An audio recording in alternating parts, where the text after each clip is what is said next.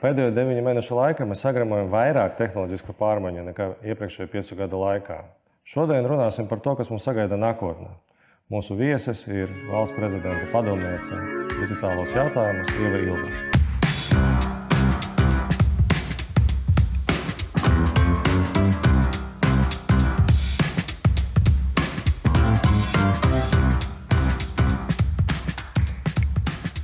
Tas pirmais jautājums, tu strādāji ar drošību. Man arī bija saskarsme ar drošību. Es pirmo reizi sapratu tādu interesantu momentu ar mākoņu uh, risinājumiem un cilvēkiem. Tad, kad parādījās mākoņu risinājumi, mēs visiem skaidrojām, ka nu, tā bilde, kas tev ir uz telefona, patiesībā nav uz telefona, un tad nu, ir jāuzmanās, ir jāuzmanās, un kaut kā reakcija nebija īpaši liela. Bet tad, kad pāri slavenībām pazuda no viņu mākoņa kailas bildes, tad visi visu saprata šāda veida. Es gribu, gribēju pajautāt, nu, ar drošību, vai tu redzēji kaut ko līdzīgu tagad ar Covid, kad nu, beidzot pielica? Nu, jā, drošība faktiski ir tāda tēma, ka mēs viņu nejūtam. Tas nav, tāds, tas nav tāds produkts, ko tu nopērci, paņem un tu jūti. Ja? Drošība, kamēr, faktiski, kamēr mēs esam droši, mēs viņu nejūtam. Ja? Mēs jūtam tikai pretējo efektu, kad ir nedrošība. Ja? Savukārt, visu laiku iet caur to taktiku un ar kaut ko baidīt, ja? tas, nu, tas cilvēks arī neņem pretīm. Ja? Līdz ar to drošība, un tas pat nav, tam nav nekāda saistība ar virtuālu. Nu, teiksim, nav, tas oriģināli nāk pat, es strādāju aizsardzības jomā, strādāju pirms tam ārlietu jomā, bet principā visu savu profesionālo lielu daļu dzīves tieši uz drošību. Un tas arī ir tas grūtākais, kā cilvēkam izskaidrot, ka viņam to vajag. Tagad, kad tas viss, ka viss ir kārtībā cilvēkam, ja? kā, kā radīt to sajūtu, ka drošība ir svarīga, ka viņai ir jāinvestē resursi, tehniski, cilvēciski, likumi, ja tas prasa ļoti daudz ko. Bet es pilnīgi piekrītu, ka to, to nevar. Nu, skaidrs, ka tas ir Tas ir liels izglītojošs darbs, principā. Ja, teiksim, es strādāju sākot no iestāšanās NATO Latvijas. Mhm. Tas ir liels izglītojošs darbs, skaidrot un sasniegt to cilvēku. Protams, arī ar tiem sliktajiem piemēriem. Ja, mhm. teiksim, mēs viņus viennozīmīgi viņi ir jārada, jārāda, nevis jārada, bet jārāda. un, un jāskaidro. Un, un, un tāpēc jau parasti saka, ka krīzes un tādi teiksim, konflikti un, un lielas problēmas, ja, mhm. pat aizejot līdz karam. Ja, ir tie, ir, tā, ir tie dzīvie piemēri, kas liek saņemties un saprast, ka tā drošība ir pareiza un vajadzīga. Bet, nu, protams, ka gribās neaiziet līdz tam maksimālajam, līdz tam ļoti sliktajam. Un ar Covid mēs redzam tieši to pašu, ka cilvēki tajā brīdī, kad tā slimība sāk tuvoties vai ir tavam paziņu lokam, tad, tad viņi tiešām sāk, sāk justies nu, reāli. Ja. Mm. Es saprotu, ka drošība ir tāds netaustām. No, sarežģīts jautājums, saruna, jo no par to drošību arī nedrīkst stāstīt pārāk daudz. Tomēr tad, no, no tām lietām, Mūsdienās jau maskas, maskas vairs ir noslēpjamas. Jā, bet no tām lietām, pie kurām jūs strādājāt nu, pirms Covid, kas no tā bija svarīgs, kas no tā mēs pielietojam, kas izrādījās liekas, nu, kā Covid parādīja to vērtību drošības pasākumiem? Nu, man liekas, vispār tas laiks ir ļoti interesants, jo notiek nepārtraukta evolūcija. Teiksim, tas, kas bija pirms desmit gadiem, ja ne tikai tajā ziņā, ka mums telefons ne, toreiz bija savādāks un vēl, vēl savādāks, ja, bet arī tajā domāšanā un izpratnē. Nu, tad, tajā laikā, kad es strādāju, kas bija 12, 13 gads, man liekas, ka bija, bija ļoti labs un vērtīgs tas, ka saprast, ka ir šī kritiskā infrastruktūra, kad ir tādi pakalpojumi, kas nav, un tas, teiksim, mēs strādājam aizsardzības ministrijā, ja, kur it kā asociējās ar šo militāro ļoti, ja, bet tā, tā izpratne, ka ir ļoti daudz tādu cilvēku, tādu lietu mūsu dzīvē, tādu pakalpojumu, kas ir kritiski, ja, ūdens, elektrība, ja, sakari, un ka faktiski caur šīm tehnoloģijām tu vari atņemt kaut ko sabiedrībai tik būtisku, ka tev faktiski viņi nav jākopē ar tankiem. Ja? Viņa var, tu vari paralizēt valsti tādā veidā. Tā man liekas, tas toreiz bija ļoti svarīgs darbs, kas tika darīts. Strādājot tiešām ar šīm kritiskajām infrastruktūras nozarēm, privātais sektors pārsvarā. Ja? Tad mēs zinām, ka, ka ūdens, enerģija, sakari, bankas, ja? finanses sistēmas, viss Man liekas, ka tas bija ļoti labi. Tas, tas bija tam laikam ļoti atbilstoši, ļoti svarīgi, ļoti labi. Skaidrs, ka tagad tehnoloģijas, ja skatoties ar šodienu un domājot par to drošību un aizsardzību, tas jau ieņem daudz plašāku un, un arī citus aspektus. Ja? Bet es domāju, ka tam laikam tas, ko mēs darījām, tas bija, teik, es teiktu, tā kritiskā infrastruktūra bija ļoti svarīga. Un tā pakāpeniskā cilvēka izglītošana, kad uh, tehnoloģiju tam plusam ir šis mīnus, ja, vai ir šī otrā neredzamā puse, šī drošība. Ja, par to ir jāsāk domāt, mm. to ir jāsāk apzināties. Ja. Mēs arī to pamanījām, jo tad, kad veidojās Facebook un sociālai tīkli, tad doma bija, ka tā būs jauna, brīva, liberāla pasaule. Tagad mēs redzam, ka nu, visas šīs tehnoloģijas tiek pielietotas nu, pavisam ar pretēju mērķi. Un tad mēs tagad izveidojam situāciju, ka katrs var izteikties, katram ir viedoklis, tas viedoklis ir pierakstīts. Un kā tev liekas, kas ir tas nākamais punkts? Jo tagad, paskatoties pat uz Latvijas internetu, mēs runājam par to, vai tur nesat maskas vai nenesat maskas. Mhm. Vai tas ir zinātniski, nezinātniski. Un tad jebkurš cilvēks var paņemt pozīciju, ka pieņemsim tagad vakcīnas. Nebūs, nu, vakcīnas ir slikti. Nu, jebkurš cilvēks var tā sākt teikt. Un tā arī ir drošība kaut kādā ziņā. Vai jūs šos jautājumus kaut kā mēģināt? Teiksim, ja mēs ielaižam pārāk daudz informācijas sabiedrībā, tad sabiedrībai tagad ir jāsagremo tā visa informācija. Kā tas vispār notiek? Mm. Ne, skaidrs, man liekas, tas ir tāds mega liels temats, vai ne? Tā visa šī nezinu, modernā informācijas telpa. Un, un viņi tā pavisam īsi noraksturot, pat jāsaka, godīgi, ir grūti.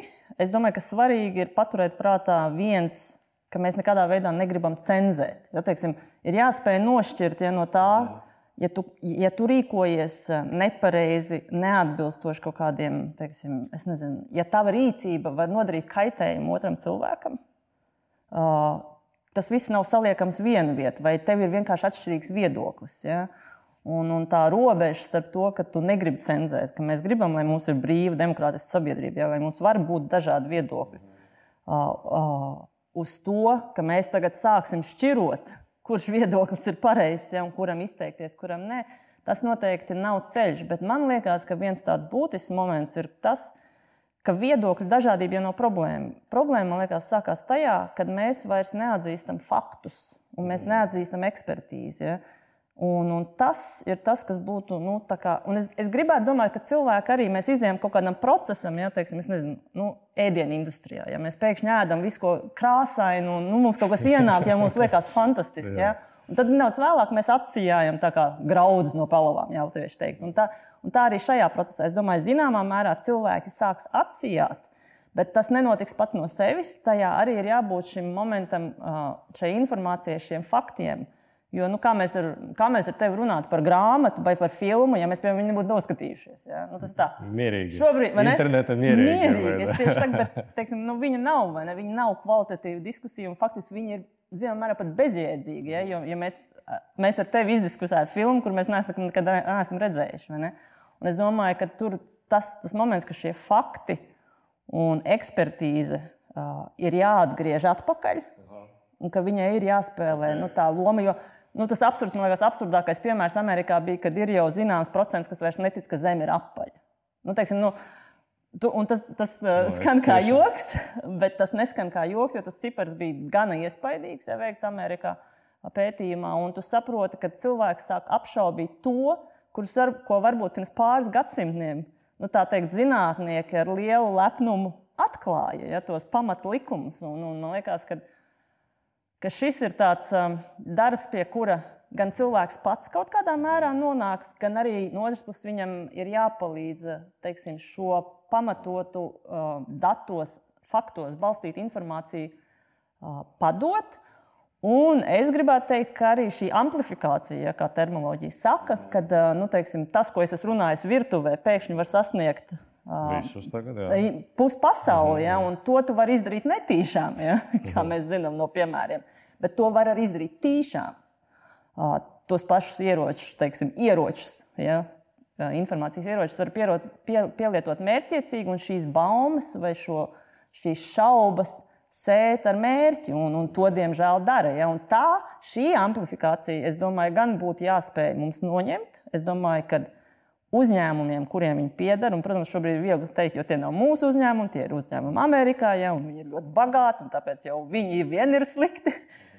Bet nu, faktiski viņiem ir jābūt šai kapacitātei, šo amplifikāciju, šaubu un, un, un dezinformāciju teiksim, samazināt. Nav runa, ka cilvēki nevar ticēt kaut kādām absurtām lietām. Jautājums ir par to, kādu procentu atspoguļojumu un kāpēc tas sasniedz. Un tas sasniedz dēļ biznesa modeļa faktiski. Ja mēs runājam par tiem uzņēmumiem, piemēram, Facebook un Twitter, cik es tā novēroju, viņiem ir atšķirīgas pozīcijas uz to, ko cenzēt, ko necenzēt. Tu e, redzēji, kā viņi tam piegāja, kāds ir tas viedoklis par šo? Nu, jā, nu, skatīsimies atkal godīgi. Tie ir uzņēmumi, vai ne? Viņi ir izveidoti, lai pelnītu naudu. Mhm. Tā mūsu, teiksim, man šis ir sociāls projekts, jo es šeit varu redzēt uh, savas omītas bildes, kur dzīvo citā kontinentā, ja kamēr biju Amerikā. Tas viss ir patīkami. Bet cilvēki, kas ir veidojuši šo, viņi reāli pelna naudu. Līdz ar to viņa lēmumus tikai un vienīgi pieņem no biznesa aspekta.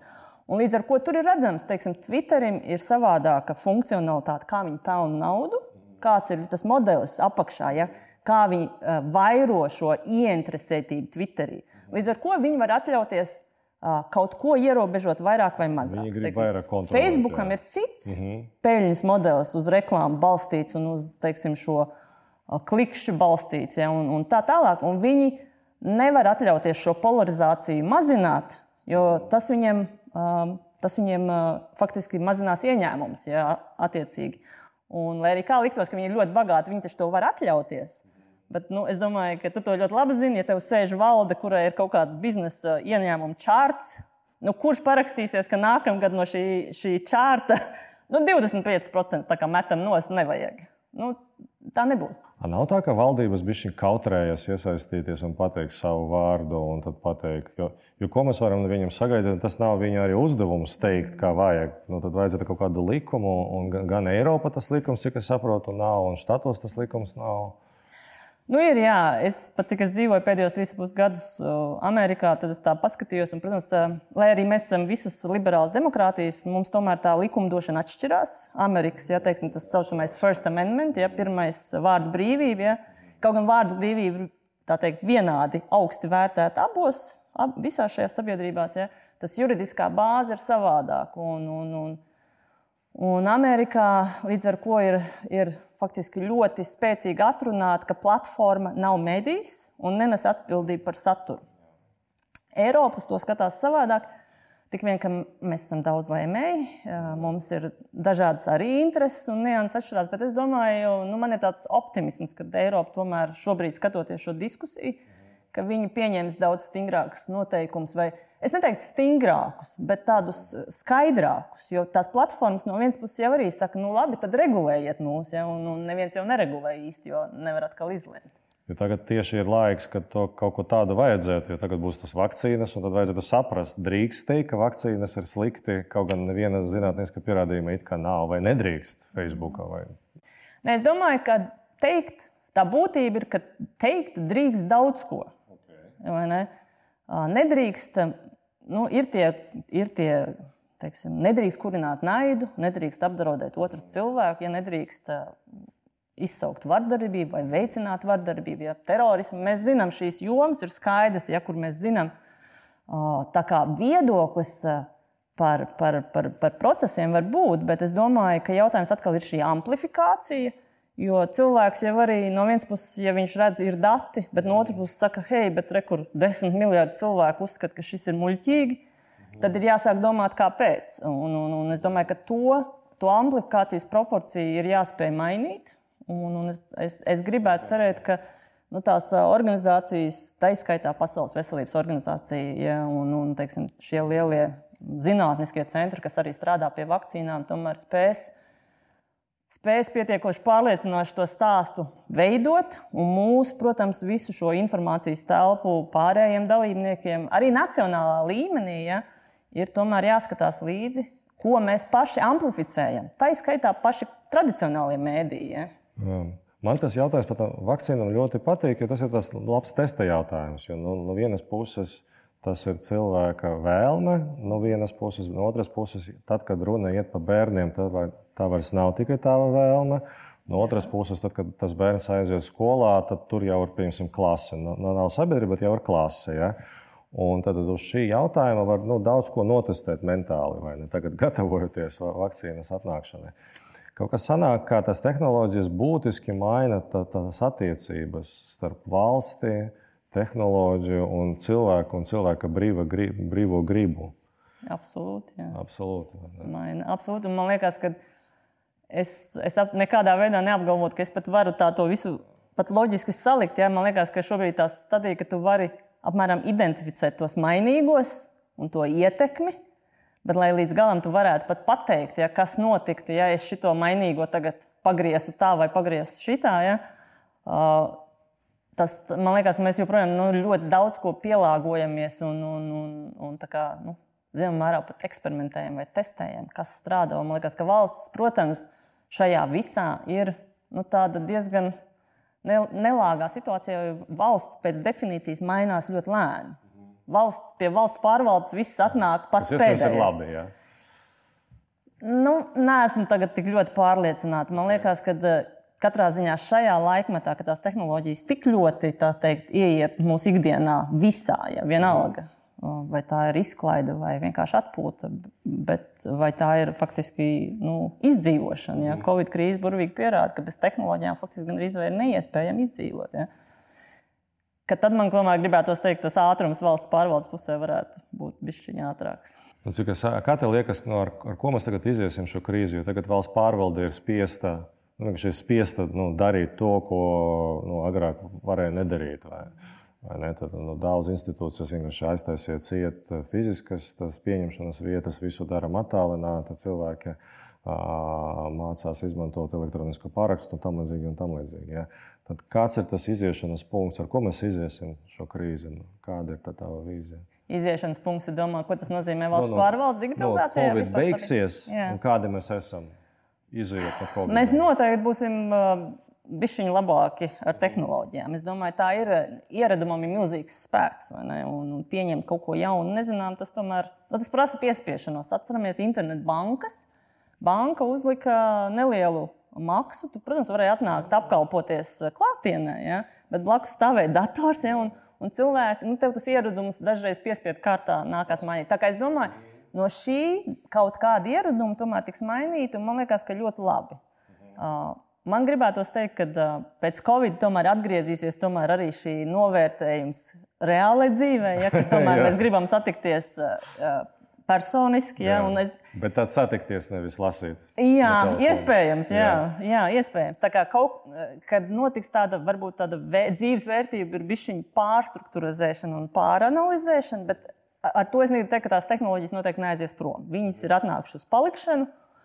Varbūt mēs viņus vienkārši izvērtēsim tādā pēc, jā, pēc jēgpilnāk. Ja, teiksim, vai tiešām man tagad jāsēž te tajā ekrānā visu laiku, vai es, tie, vai es labāk tomēr viņu nolieku un parunāju ja, pie, pie kafijas.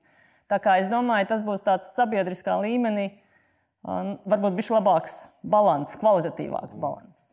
Un, ja mēs esam izgājuši no tās krīzes, un tad skatāmies, jo, jo tas viss ir tā, tagad vecas tēmas, jo sociālai tīkli bija izgudroti cik kādi, un tas viss ir sekas. Ja.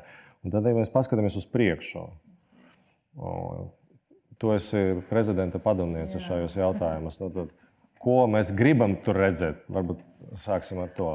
Nu, es tiešām, nu, tas ir tas darbs, ko es šobrīd daru ļoti intensīvi pēdējās nedēļas, iedziļinos tajā, ko mēs gribam. Un tieši tādā Latvijas izpratnē, un man jāsaka, godīgi, ka man gribētos, lai šīs digitālās ierīces, šīs vienalga Covid krīzes laikā iegūtas vai pirms, ka mēs viņus prastu likt lietā savas labklājības vairošanai. Un, un labklājība, es saprotu, tas var būt daudz kas. Ja tai nav jābūt obligāti naudai, ja, teiksim, varbūt kāds no mums pēkšņi var kļūt par zinātnieku, kas nemaz nenozīmē kaut ko nopelnīt, ja, bet teiksim, intelektuāli sasniegt. Ja. Uh, jo šobrīd ir tā sajūta, ka mēs esam, būsim izgājuši to posmu, ka mēs, protams, tās tehnoloģijās noorientēties daudz maz. Bet man gribētos, ka mēs, mēs tās spējas liekam lietā. Jo skaidrs ir, ka pasaule prot ar viņām pelnīt. Mhm un prasa, pasauli prot šeit inovēt un radīt jaunas, teiksim, gan ves, medicīnā, veselībā, ja, gan tur, teiksim, transporta pakalpojumos, tādus labus, jaunus risinājumus. Bet viņi netop šeit, viņi ļoti lielā mērā top citur. Un man, man, tā, man gribētos, ka no šīs Covid krīzes izējot. Mums tie pamati, mēs zinām, mēs no ierīcēm nebaidamies, bet mēs tagad iemācāmies viņus lietot ar mērķi, lai mums būtu teiksim, labāka dzīve katram un valstī arī attiecīgi kopumā ekonomikā. Bet, un, kā mazai valstī, tu, tu esi padzīvojusi Amerikā vai ne? Tā tad nu, mēs nevaram būt kā Sanfrancisko visticamāk. Nu, to nevar nokopēt vai ne? Un nevajadzētu mēģināt kopēt. Tad vajadzētu atrast kaut ko savu. Bet no otras puses, tad, kad paskaties uz startup attīstības plāniem, tad bieži vien tur ir visu. Nu, Izkrāsot tā, kā Sanfrancisko, uztaisīt tā, kā Sanfrancisko, un tad viss parādīsies, neparādās. Ne? Tad, nu, tā realistiski skatoties uz lietām, kā no tā ķēdeļa sienas, nu, nekas nemainās, vai ne tikai vizuāli. Nu, kā, kā mums vajadzētu attīstīt to, to vidi, vai vispār to vajag attīstīt? Ne, es domāju, ka nu, nevis vai vispār vajag. Man liekas, vispār tas vairs nav jautājums, vai vajag. Tas vienkārši ir jādara, jo savādāk, nu, es domāju, ka mēs tajā iepriekšējā ekonomikas modelī ilgi nespēsim teiksim, turēt līdzi. Un, un es domāju, ka mēs varam. Nu, skaidrs, ka mazai valstī ir jābūt skaidrākai ambīcijai un tādam mērķiecīgam darbam. Uz, mēs nevaram varbūt atļauties būt tik, tik sadrumstaloti, kā mums patīk. Mums tomēr vajadzētu mēģināt rast kopdarbi. Ja? Un es, protams, vairāk skatos uz to valsts pārvaldes pusi, jo es redzu, cik ļoti sadrumstaloti mēs esam tur. Bet es domāju, ka to noteikti var redzēt kā tur bija, cik, cik latvieši varēja radīt, cik tās partijas. Ja mums vajadzētu tomēr atrast eh, tos kopsaucējus, un tehnoloģijās arī, man liekas, tomēr piemēri ir. Un es domāju, ka uz viņiem ir vienkārši jābūvē tālāk. Un arī jāmotivē sevi. Nu, tas ir zināmā mērā arī tāds par noticēšanu savām spējām. Bet vai tas ir kaut kas valstī joprojām trūkst, vai vienkārši kaut kādiem konkrētiem cilvēkiem vajadzētu paņemt kaut kādu ideju, paņemt, attīstīt, un, un, un tad nevainot mūsu ģeopolitisko pozīciju, geogrāfisko pozīciju, ekonomisko pozīciju. Tas viss tagad ir tautas rokās. Nu, jā, tas nav, tā nav. Nav jau tāds viens maģisks. Es domāju, ka tas, skaidrs, ka tas ir kopā. Tāpēc, ka valsts, protams, var savest kopā, ja viņi pati ir pietiekuši organizēta savā pusē. Ja, tas, tas tomēr arī ir faktors, ja mēs, ja mēs jau valstī esam daudz un dažādi. Valsts pārvaldes pusē, es domāju, bet es domāju, ka uh, valsts kopā ar, ar uzņēmumiem, gan ar mūsu lielajiem uzņēmumiem, kam tomēr ir gan zināšanas, gan prasmes, gan arī, man liekas, ar, ar noteikti talantiem un, un izcilām nelielām idejām. Es nezinu, nu, piemēram, šī gada piemērs, ja tas pats e-parlaments. Ja, nebija jau tāds ne valsts izdomāts, ne inovēts, nekā. Bet no otras puses, ja teiksim, un nav, un nav liels zināms uzņēmums, ja ko mēs varētu teikt, tur nezinu, atnāca Microsoft un uztaisīja. Ja. Tā kā man liekas, ka ir šie piemēri, un viņi ir ļoti labi. Tas nozīmē, ka ir jāatrod tas modelis kopā. Jo tik liela, kā, kā tu saki, tik liela mēs neesam. Mums vienam unikālam nav mega liela kapacitāte. Ja, bet kopā, manuprāt, ir pietiekoši, lai ziņā lai mēs varētu pavilkties bišķi tālāk tajā Eiropas līmenī, iekļauties tajā Eiropā, Eiropas procesā, jo Eiropa šobrīd uzliek uz to nosacījumu, viņi grib, nu, vai sapni. Nākamā desmitgade ir Eiropas digitālā desmitgade. Es zinu, ka visiem tas parasti nedaudz liek pasmīnēt, vai tad Eiropa varēs. Bet es domāju, ja Eiropa saliks kopā tos resursus, ja viņi tomēr saliks kopā to politisko vēlmi, nu, paskatīsimies, mākoni veidos ja, Vācija ar Franciju priekš Eiropas patēriņam. Es domāju, ka tas būs tāds vilkmes efekts un, un, un teiksim, skaidrs, ka tajā pakalpojumu ķēdē vai produktu ķēdē ir vieta arī mazākiem komponentiem, par ko nav nebūtu jākaunās, bet kur vienkārši ir jāizdara un no tā jāspēj iegūt. Paldies, paldies par tām atbildēm, un tad mēģināsim likt to lietā. Laipni lūgt.